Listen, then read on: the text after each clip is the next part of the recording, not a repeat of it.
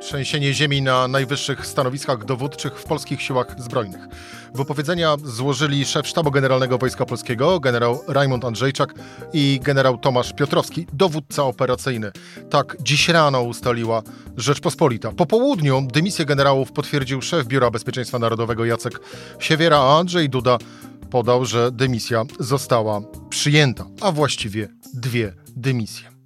Będzie też dziś mowa o wyborczym teleturnieju wczoraj na antenie telewizji, no, chciałem powiedzieć publicznej, rządowej, bądźmy szczerzy. A moim gościem Bogusław e, Hrabota. Rzecz w tym, że taki był dzień. Cezary Szymanek, zapraszam na codzienny podcast Rzeczpospolitej. Jest dziesiąty dzień e, października. Bogusław Hrabota, redaktor naczelny Rzeczpospolitej. E, dzień dobry. Dzień dobry.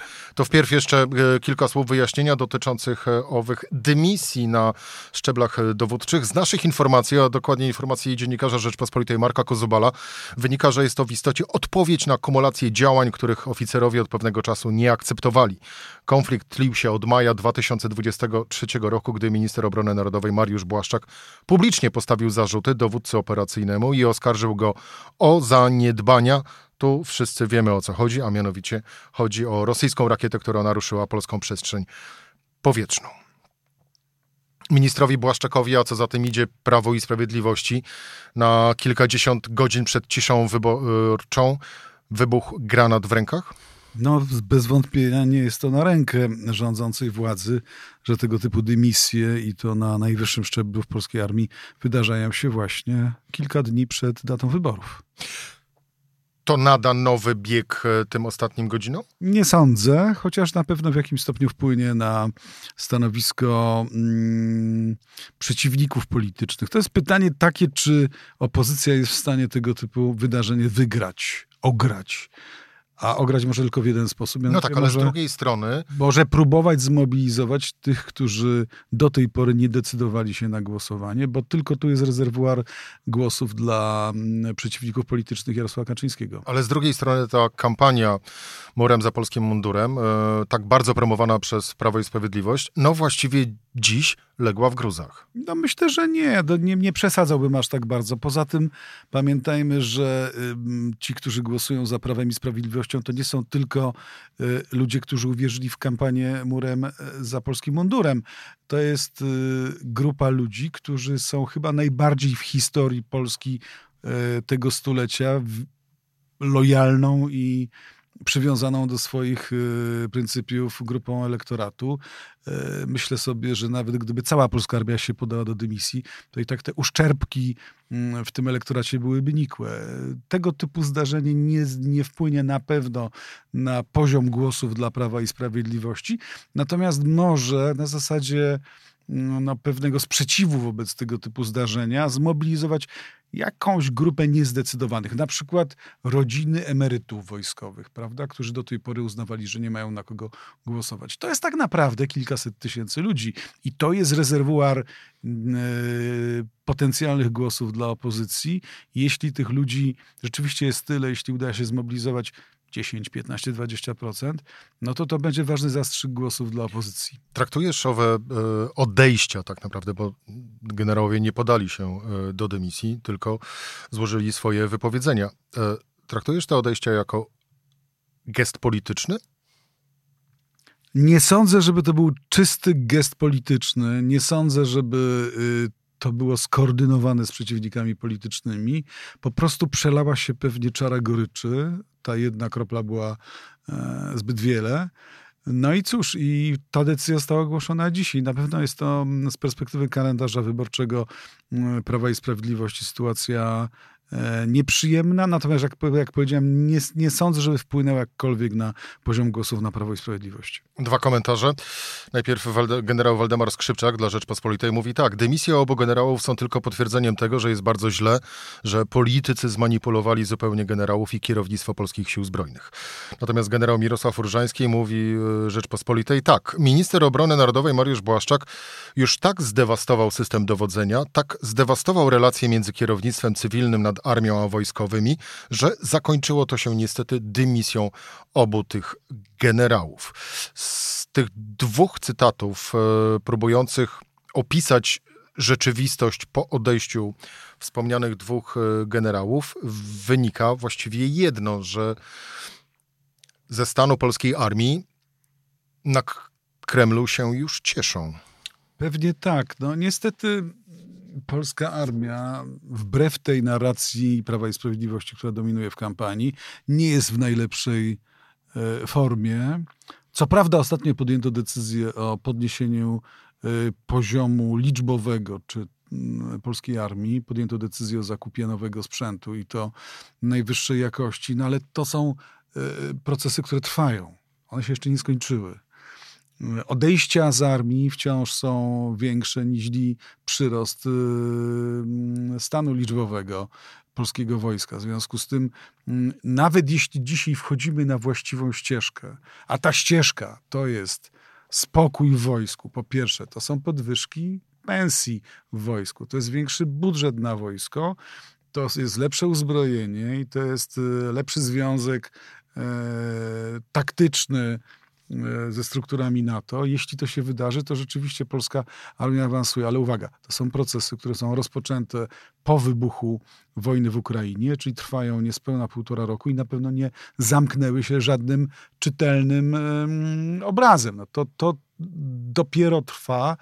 I mam wrażenie, że wychodzimy z pewnego dołka, którego autorem czy sprawcą był poniekąd również e, pan, pan Mariusz Błaszczak. To nie są pierwsze odejścia z polskiej armii, żeby była jasność. Tutaj ten uszczerbek na, na szczeblu dowodzenia to jest sprawa ciągła. To się zaczęło w czasach Antoniego Macierewicza, który był ministrem obrony narodowej i który no, dokonywał dość brutalnych weryfikacji kadry kierowniczej, e, starając się odsunąć tych, który, w których szukał wrogów, czy to politycznych, czy, czy, e, czy, czy historycznych, w tym sensie, że byli jeszcze wykształceni na, w czasach Układu Warszawskiego. E, no, no wtedy, jak wiadomo, ten, ten stan kadr, kadr dowódczych się mocno zepsuł. No w międzyczasie oczywiście wyrastały nowe pokolenia generałów, już kształconych na polskich i amerykańskich uczelniach i ci akurat panowie i Andrzejczak i Piotrowski to jest nowa kadra, tak? I to jest duża strata. Zresztą też moment historyczny jest niewłaściwy, dla tego typu dymisji, bo po pierwsze mamy wojnę w Ukrainie, e, a ta wojna, jak każda w tym regionie, e, niesie z sobą no, przynajmniej pewne wyzwania dla polskiej armii. Nie chcę mówić zbyt wiele. Ryzyko jej e, rozlania się na region jest niewielkie, ale jednak jakieś jest. W związku z tym my musimy wzmacniać armię. Z drugiej strony mamy od kilku dni poważny problem E, kryzys na Bliskim Wschodzie i to jest konflikt, który grozi ekstrapolacją i rozlaniem się na e, region e, południowych wybrzeży Morza Śródziemnego, gdzie są również polscy żołnierze. Już abstrahując od tego, że to oczywiście będzie poważny problem i dla Europy, i dla NATO. Ja w pierwszej chwili e, po informacji Marka Kozubala o owych e, odejściach e, dwóch czołowych generałów z kierownictwa polskich sił zbrojnych miałem taką konstatację, że panowie po prostu powiedzieli dość dalszemu politycznemu przez Prawo i Sprawiedliwość przejmowaniu polskiej armii i wykorzystywaniu jej w kampanii wyborczej. Przykładów na to przez ostatnie tygodnie mamy bardzo, bardzo wiele. No tak, no znamy wszyscy przypadki, choćby Przepraszam. Znamy wszystkie. Znamy wszyscy te przypadki, choćby wykorzystania śmigłowca wojskowego do mm, jakiegoś pokazu e, wyborczego.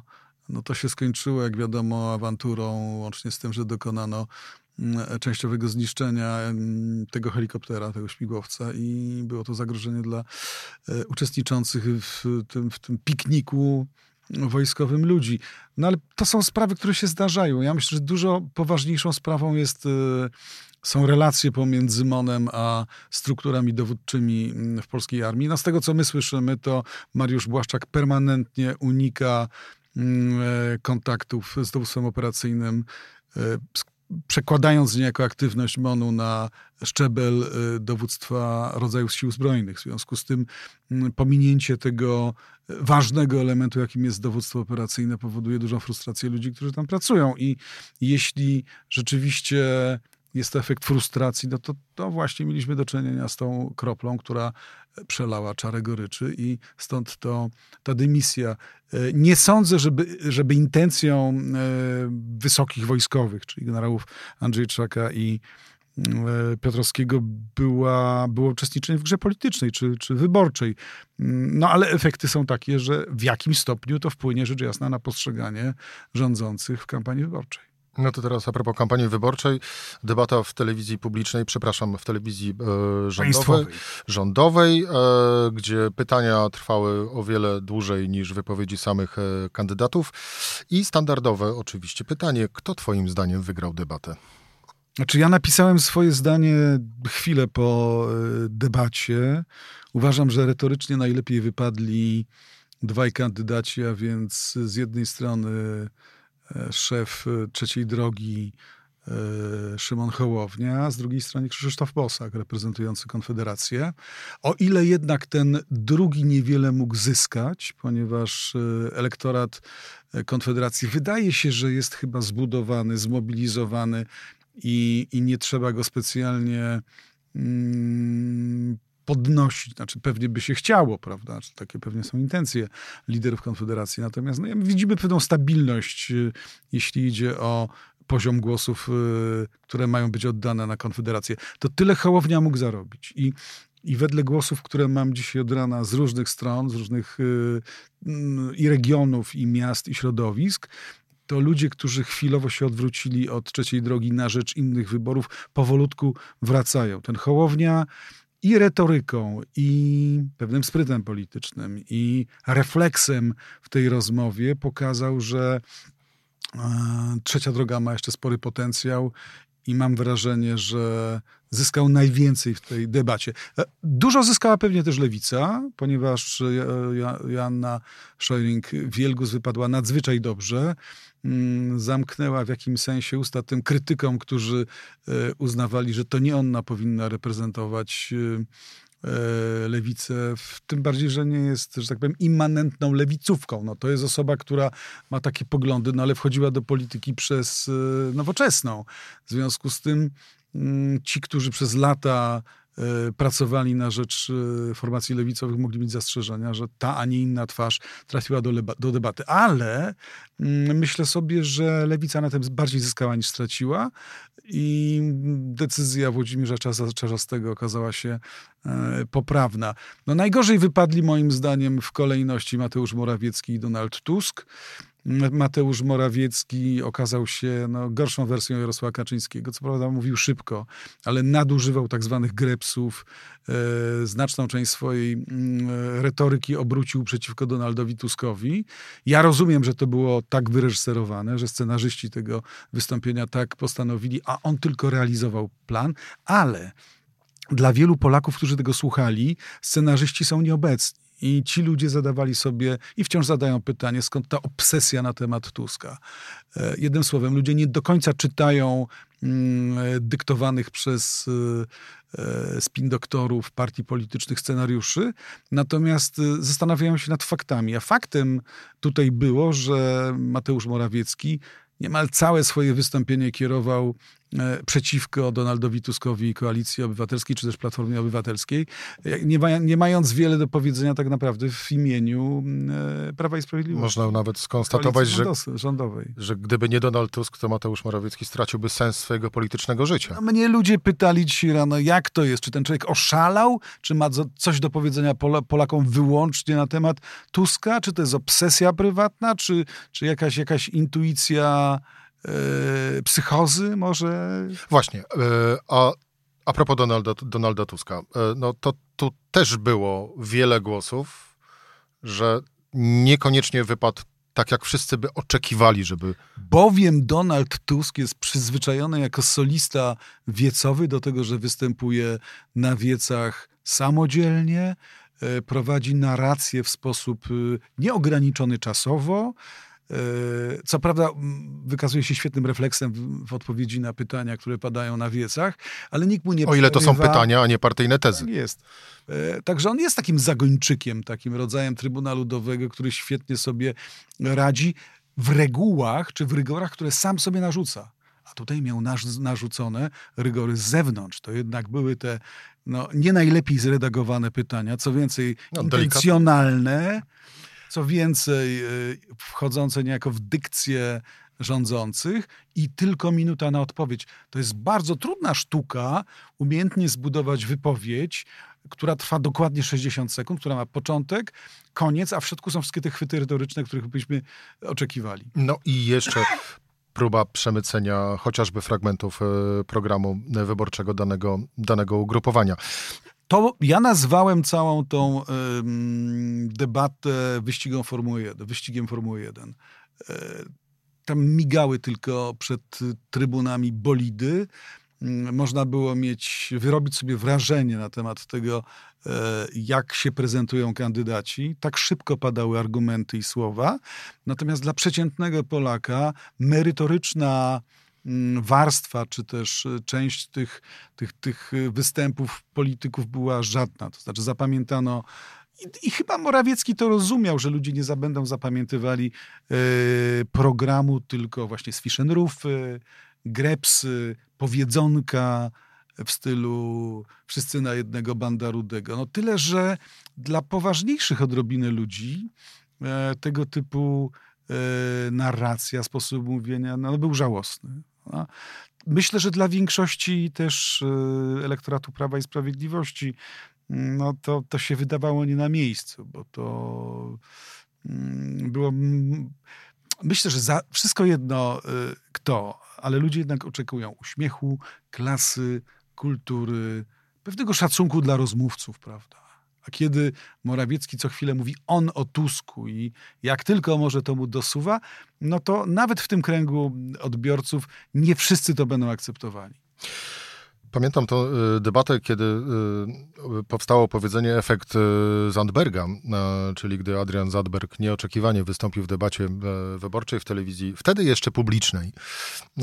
I... Tak, rok 2015, wywrócenie stolika. Dokładnie tak. I on wtedy... Razem z niczego potem w wyborach zyskuje 3% i wypycha poniżej progu 8% lewicy, która nie wchodzi e, do Sejmu, przez to Dąd działa na rzecz Prawa i Sprawiedliwości, Prawo i Sprawiedliwości przejmuje władzę. Tak, tak to wyglądało, ten łańcuch logiczny zdarzeń. W tym roku efekt Zandberga przypadnie Szymonowi Hołowni i trzeciej drodze wraz z Władysławem Kośniakiem. Nie do końca, ja bym nie do końca porównywał te dwie mm, sytuacje, bo Zandberg przed tą sławetną debatą był bardzo mało znanym i rozpoznawalnym politykiem. Hołownia jest świetnie znanym. Natomiast yy, myślę... Ale nie że... widzą TVP. To prawda. Natomiast y, Hołownia e, z Kosiniakiem prowadzili tak zwaną cichą kampanię. Tam nie było wielkich wydarzeń, tam nie było marszów miliona serc, czy tam stu tysięcy rowerów, czy czegoś takiego. To była bardzo solidna, ale, ale dość bezbarwna i zorientowana lokalnie kampania. On nie miał szansy pokazania się tak naprawdę publicznie w medium ogólnopolskim i to z przytupem i z podskokami. I to, co zrobił w czasie tej debaty, pokazał się jako człowiek pełen wigoru, pełen dynamiki, człowiek z pomysłami, świetnie mówiący, świeży. To było to, czego brakowało tej kampanii. Mam wrażenie, że on zyska najwięcej, bo wrócą do niego ci, którzy przestali w niego wierzyć, bowiem go nie widzieli. Pokazał się, pokazał się z najlepszej strony, wygrał. Myślę, że gdyby robić mm, badania y, dotyczące poparcia dla partii politycznych, to po tym wczorajszym wydarzeniu, po głosie Hołowni, no, ta partia zyskuje 2-3 punkty, przynajmniej. A w ogóle ta debata w TVP, Twoim zdaniem, miała jakiekolwiek e, znaczenie dla wyniku wyborów? No, jeśli Hołownia e, ma szansę zyskania dwóch, trzech punktów, to oczywiście tak. Jeśli Morawiecki liczył na to, że e, dzięki dość prostackim z Fischenrufom i, i Grepsom e, zaangażuje e, niezdecydowanych, którzy powiedzą, o, jaki fajny facet, jakie fajne dowcipy, ależ słyszałem je podobne wczoraj pod budką z piwem, prawda? To, to też raczej nie zyska. E, zupełnie inny wizerunek Morawieckiego jest potrzebny polskiej polityce. To jest ten wizerunek, który myśmy w Rzeczpospolitej popierali kilka lat temu, kiedy on wchodził do polityki jako premier. Wtedy miał być człowiekiem, który wprowadza nas na europejskie salony, który pragmatyzuje polską politykę, który mówi fajne, ciekawe, merytoryczne rzeczy.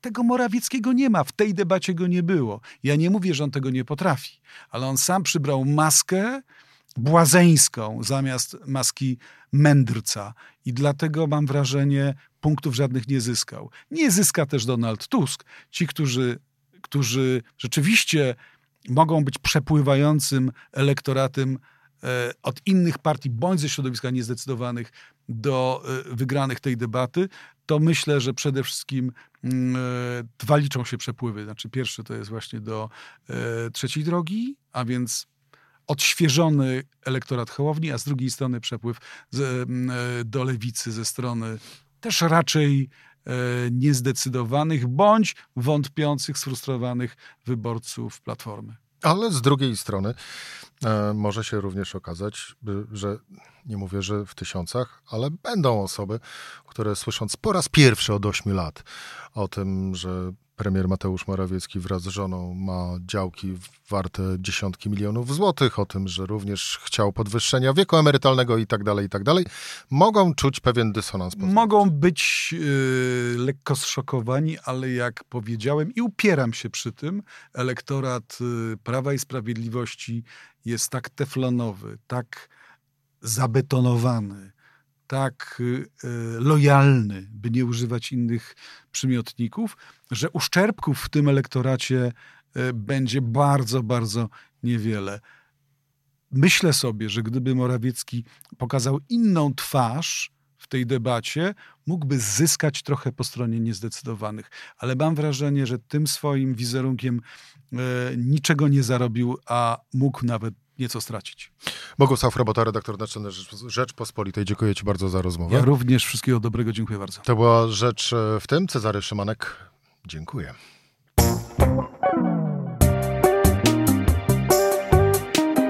Rzecz w tym to codzienny program Rzeczpospolitej. Od poniedziałku do czwartku o godzinie 17. Słuchaj na stronie podcasty.rp.pl. Włącz Rzecz w tym w serwisie streamingowym.